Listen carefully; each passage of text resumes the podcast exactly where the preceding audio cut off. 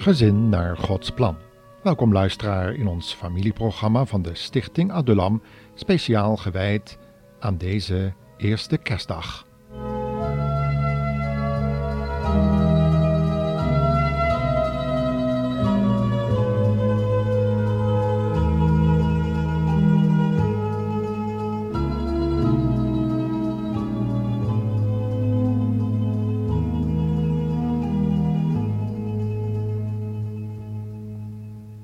Ik denk dat we zo inmiddels wel weer in de kerststemming gekomen zijn.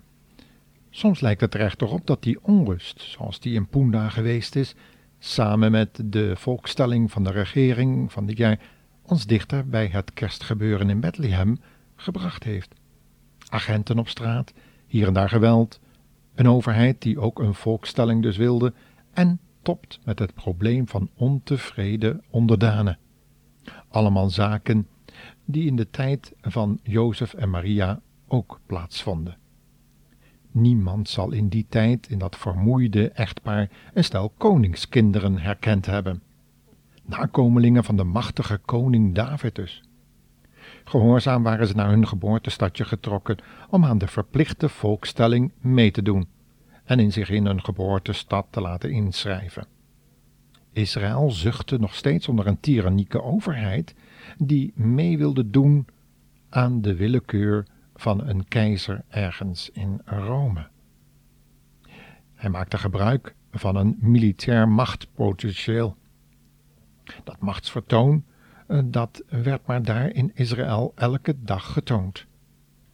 Ook de priestelijke stand van die dagen was verworden tot een politieke organisatie, die de marionettenkoning Herodes gedoogde omdat hij de tempel had laten herbouwen.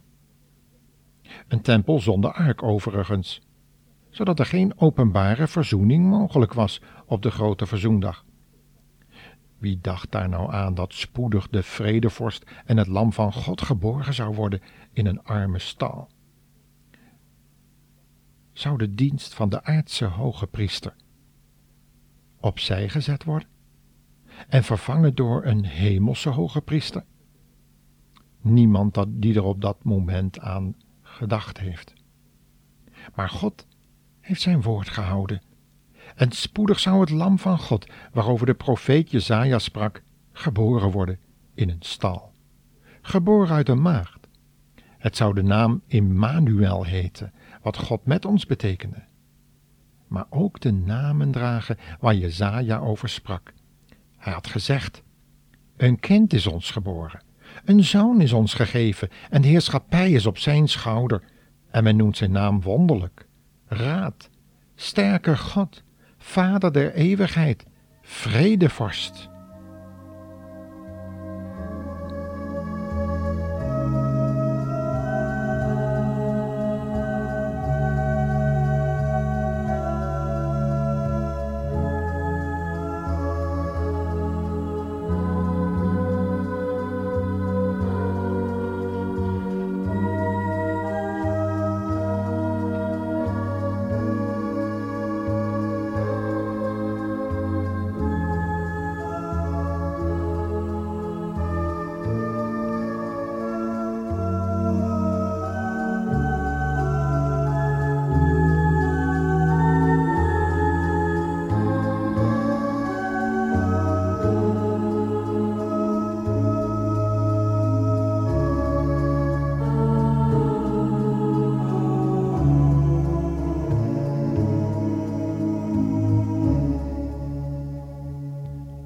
Dat gezin van Jozef en Maria is eigenlijk een blauwdruk van wat een gezond christelijk gezin zou kunnen zijn.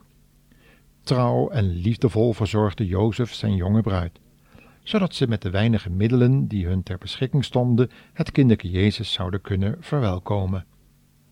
Zien wij als gezin ook zo naar de komst van de Heer Jezus uit? Hebben wij alles klaargemaakt voor de geboorte van koning Jezus in ons leven? Misschien hebt u ook maar weinig middelen van bestaan, zoals Jozef en Maria dat hadden. Misschien hebt u ook wel opdrachten gemist door bepaalde regeringsbesluiten of allerlei onwelkome omstandigheden, zoals Jozef als timmerman ook ervaren moet hebben. Misschien heeft u ook die crisis van Jozef beleefd in die nacht toen hij merkte dat zijn vrouw zwanger was zonder dat hij er hiervan af wist. Maar Jozef had een relatie met God en daarom nam hij Maria bij zich in huis en besloot voor haar te zorgen totdat de dood hen scheidde. Dat is huwelijkstrouw.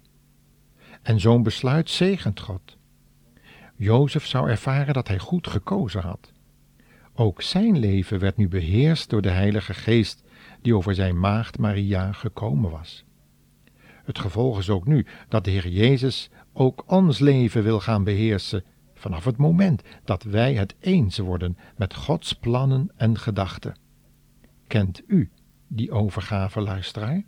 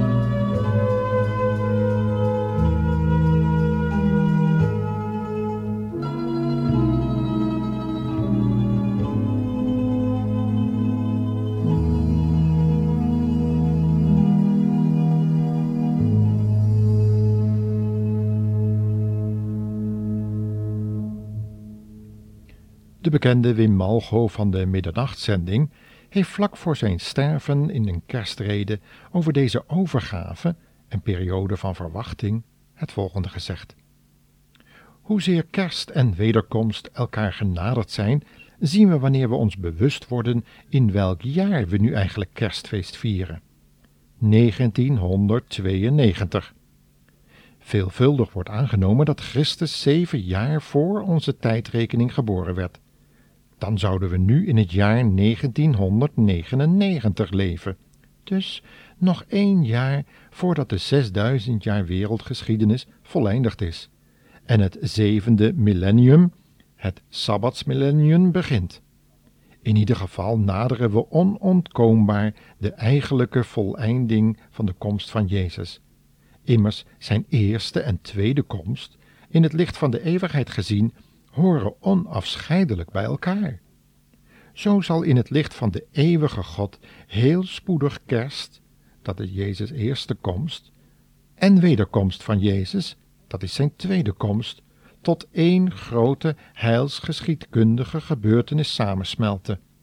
En vanaf dat ogenblik wordt het kerstgebeuren anno 1992 uiterst actueel en explosief explosief. Tot zover de reeds bij de Heer aanwezige Wim Malgo.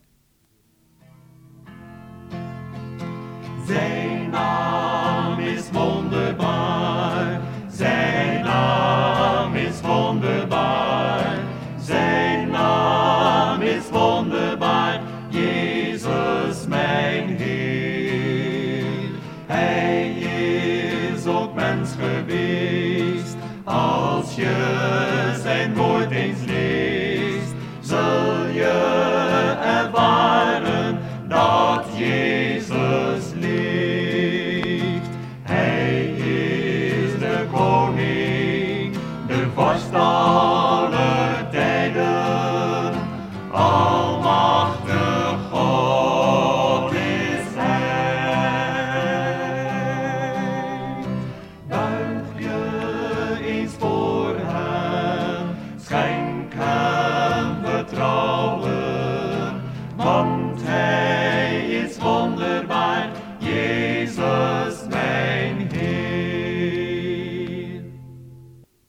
Zoals u gehoord heeft, heeft de overleden Wim Malgo het over een uiterst actuele en explosieve tijd gehad. En die zouden we nu meemaken. Maar zo beleefden Jozef en Maria dat ook in hun dagen. Koning Herodes bleek een voorloper van de komende antichrist te zijn.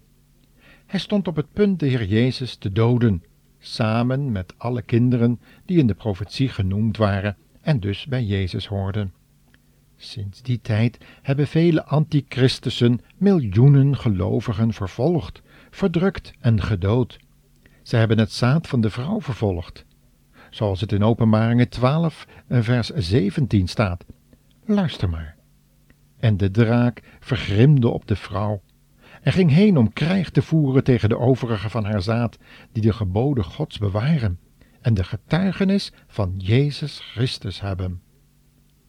Mag ik u op deze eerste kerstdag wat vragen, luisteraar? Heeft u dat getuigenis van Jezus Christus? Hebt u vervolging, smaad, hoon en spot voor de belijdenis van de naam van Jezus Christus over?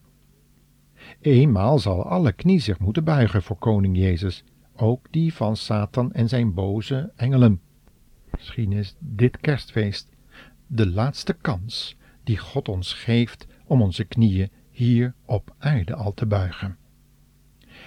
Geve God dat wij allemaal deze gelegenheid zullen benutten en dat de morgenster spoedig zal opgaan in onze harten, om zo dadelijk aan de hemel te verschijnen. Hij is wonderbaar.